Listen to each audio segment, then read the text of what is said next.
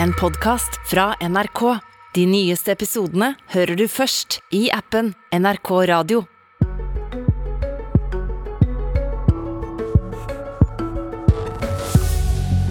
Når det er rekordhøye drivstoffpriser over tid, hvorfor bruker ikke Senterpartiet det reviderte budsjettet til å få ned avgiftene?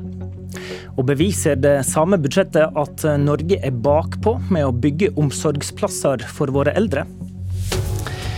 Det er tema i Politisk kvarter, der vi også skal oppdatere deg på hva forsvarsministeren sier på pressekonferansen om militære helikopter som går akkurat nå, eh, og som du altså kan eh, følge på radiokanalen NRK Nyheter eller nrk.no. Her starter vi med de høye prisene på drivstoff.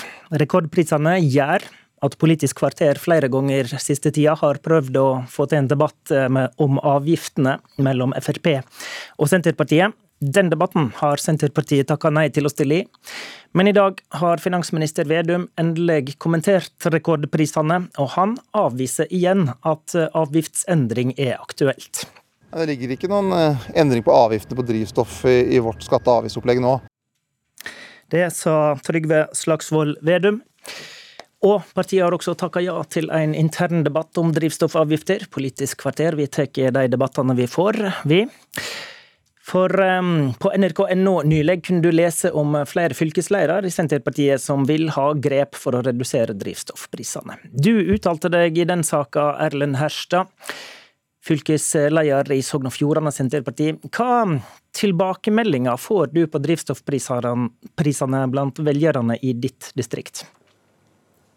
Det er jo klart at alle kjenner på drivstoffprisene nå om dagen. De er særs høye men de rammer noen mer enn andre.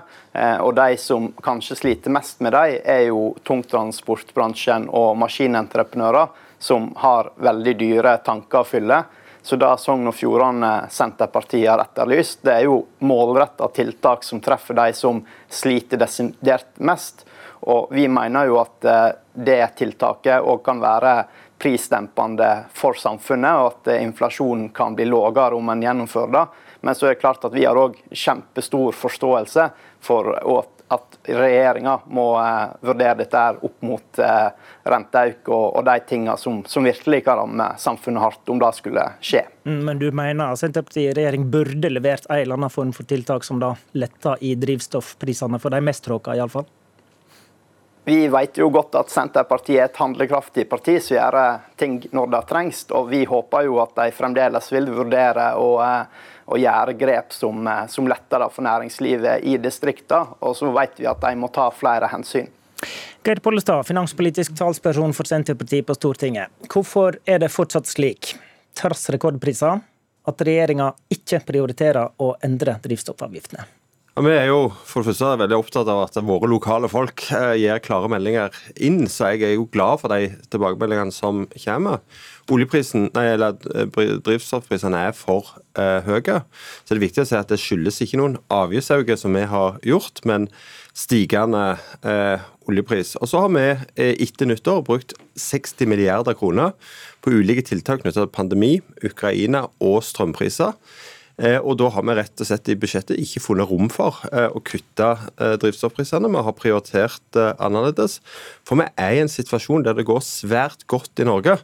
Eh, og Hvis vi ikke klarer å ta ned den samla pengebruken, eh, så står vi i en fare for at vi får en ukontrollert vekst i eh, renta.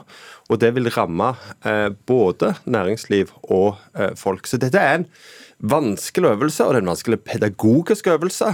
Og det er ubehagelig. Men argumentet om renteøkning som du drar nå, det handler jo om den totale pengebruken. Dere kunne jo dratt ned pengebruken på noe annet hvis dere faktisk mente drivstoffprisene var viktige nok? Ja, og det var det jeg sa. Jeg viste at vi hadde brukt 60 milliarder kroner mer. Vi bruker for eksempel, Hvis du skal kutte drivstoffprisene med eh, 4 milliarder, eh, nei, med 4 kroner literen, så vil det koste rundt 12 milliarder kroner i året. Vi bruker nå omtrent det dobbelte av det på å kutte strømprisene. Og Det er jo en sånn vurdering som en må gjøre. Hvor bruker en pengene? Vi skal både dekke inn Ukraina-krig, eh, koronapandemi, strømstøtteordning. Vi har et relativt dyrt jordbruksoppgjør for å sikre at folk i Norge får, får mat. Og så må vi vurdere det mot det handlingsrommet vi har. Så det, det er så ting det er som er viktigere enn dette, da? Det er, den totale, det er den totale pengebruken som påvirker renta, det er ikke drivstoffprisene eller drivstoffavgiftene Men isolert. Men andre, grep er viktigere enn dette, rett og slett? Vi har prioritert eh, andre grep enn å redusere drivstoffprisene, bl.a.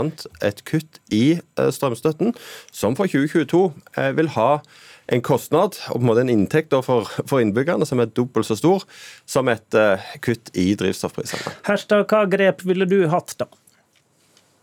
Det vi etterlyser er jo eh, fra Sogn og Fjordanes side, det er jo at en går målretta til verks mot næringslivet, som har de største utgiftene knytta til drivstoffauken. Eh, og Der er det både avgiftslette, men òg likviditetsmidler i form av eh, gunstige lån, sånn at de kan komme seg over den tyngste kneika nå. Altså bedrifter med høye drivstoffutgifter, f.eks. transportbedrifter bør få en målretta støtte? Ja, der, der, utgiftene har økt mye på kort tid, der en, der en sliter rett og slett med å hente seg inn inn igjen fra utgiftsøkningen. Der, der lyter en kanskje inn og, og hjelper de bedriftene som egentlig har livets rett i en eh, normal situasjon. Og, og vi er veldig opptatt av å ha denne dialogen med, det, med regjeringa. Har du ikke trengt å være så dyrt, Pollestad? Det er konstruktivt innspill, og vi jobber mye i stortingsgruppa med hva kan vi eh, eh, gjøre. For realiteten er jo at for store deler, det aller meste av norsk næringsliv, så går det veldig bra. Og så har vi noen bedrifter som sliter eh, eh, veldig. Og så må vi gjøre eh, den tøffe jobben som det er å ta den totale prioriteringen for å hindre at vi mister kontrollen på eh, renta. Så, så, det er jo viktig å si at eh, vi har jo ikke økt eh, avgiftene. Dette er et resultat av at prisen på olje og gass har steget. Det, men i mars sa partileder Vedum at vi ikke kan ha slike priser over tid. Nå er prisene høyere enn da. Og, og noen analytikere spår jo 30 kroner literen snart. Går det grensen da for at dere tenker at dere faktisk skal gå inn og gjøre noe med, eh, med avgiftene, som tross alt vil ha litt å si på prisen? da? Ja, Vi eh, har jo nå lagt fram et, og vi sitter og et revidert budsjett i Stortinget. Der ligger det ikke inne kutt i drivstoffavgiftene. Hva som skjer i framtida, blir et eh, spørsmål. Men det som er helt sikkert, at i statsbudsjettet Så, så du vil ikke si i, om det går ei grense en plass der dere faktisk vil gå inn og gjøre noe? Det viktigste nå eh, i statsbudsjettet høsten at vi skal gi folk, gjøre det vi kan for at folk som har lave og middels inntekter i Norge, skal få økt kjøpekraft. Vi ønsker å lufte den gruppa spesielt. Og så mener jeg vi må jobbe, og det gjør vi i stortingsgruppa vår, ser på hvilke tiltak kan vi gjøre målretta inn mot næringslivet. Men jeg vil ikke sitte her og gi folk eh, forhåpninger, eh, fordi at uh, vi må jobbe. Og så hvis vi har en løsning, så må vi komme med den. Ellers så bare lurer vi folk, og det har vi ikke til mål å gjøre. Takk til Geir Polstad. Takk til Erlend Herstad. Abonner på Politisk kvarter som podkast, og få sendinga rett til din mobil. På en pressekonferanse i Forsvarsdepartementet akkurat nå sier forsvarsminister Bjørn Arild Gram at Norge sier opp kontrakten mm, eh, som handler om NH90-helikoptrene. Disse helikoptrene ble eh, bestilt helt tilbake i 2001, da Forsvaret skulle kjøpe inn 14 slike helikopter til Kystvakta og fregattene våre. Men 15 eh, år etter vedtaket var bare seks av de eh, levert, og ennå er ikke alle på plass og innfasa. Og det har vært store tekniske problemer med disse, disse helikoptrene. Riksrevisjonen har tidligere kritisert dette helikopterkjøpet, og nå sender Forsvarsmateriell ei såkalt hevingserklæring til produsenten. Bl.a. fordi leveransene da har vært og er kraftig forsinka. Denne pressekonferansen fra forsvarsministeren kan du følge på radiokanalen NRK Nyheter eller på nrk.no eller NRK2. Her går vi videre til andre ting som står om i revidert nasjonalbudsjett. For um, der kommer det fram at en i år vil bruke langt mindre til bygging av heldøgns omsorgsplasser for våre eldre enn det som var forutsett for 2022. Hele 1,6 milliarder blir ramma redusert med, fordi kommunene bygger færre omsorgsplasser enn en hadde budsjettert for i utgangspunktet. Bård Hoksrud, helsepolitisk talsmann i Frp. Hva er det som uroer deg med dette? Nei, Det som uro, uroer meg, er at vi får stadig flere eldre, og vi ser altså mange som ikke får en sykehjemsplass. Det er over 600 mennesker nå som venter på en langtidsplass, som bor hjemme, som ikke får det. Dette er alvorlig i forhold til å sikre at folk får den omsorgen og får den tryggheten de skal ha, og får den sykehjemsplassen. Så dette er kjempealvorlig, og det har gått helt under radaren. Regjeringa kutter på drivstoffpriser, nei, vil ikke kutte på drivstoffpriser, men de vil veldig gjerne kutte på dette her, og det er alvorlig, for det kommer til å møte store utfordringer i framtida med stadig flere eldre. Hans Inge Myhrvold, du er politiker i helsekomiteen på Stortinget fra regjeringspartiet Senterpartiet. Hvordan forklarer du dette? Nei, Dette handler i stort om en teknisk revidering. Eh, der vi ser over tid, over de siste årene, så har kommunene i mye mindre grad henvendt seg til staten om å få eh, ut, utbetaling av disse tilskuddene. Eh, og så har en jo òg undersøkt hvorfor. Og en del av forklaringa ligger i at kommunene har prioritert opp Eh. Eh, og en har òg sett at pandemien eh, har gjort at kommunene har måttet omprioritere i, i, forhold til en del av de prosjektene og, og framdriften på dem. Så, så, dette er rett og slett en teknisk eh, revidering eh, som på ingen måte må, eh, må, må, settes i den båsen som Hoksrud her ønsker, om at det da blir ytt for dårlige tjenester. For kommunene leverer i stort veldig gode tjenester for eldre mm. i dette landet. Hoksrud, når en ser at kommunene ikke bruker pengene til å bygge disse plassene, så endrer en budsjettet. Det ligger vel ingen politisk vilje eller føring i det, egentlig? Nei, men Det er et politisk ønske at man ønsker å sørge for at flere skal bo hjemme. og Det sa også statssekretæren på en eh, konferanse hos Legeforeningen. Så sier statssekretæren at det kommer til å bli færre sykehjemsplasser i forhold til antall eldre.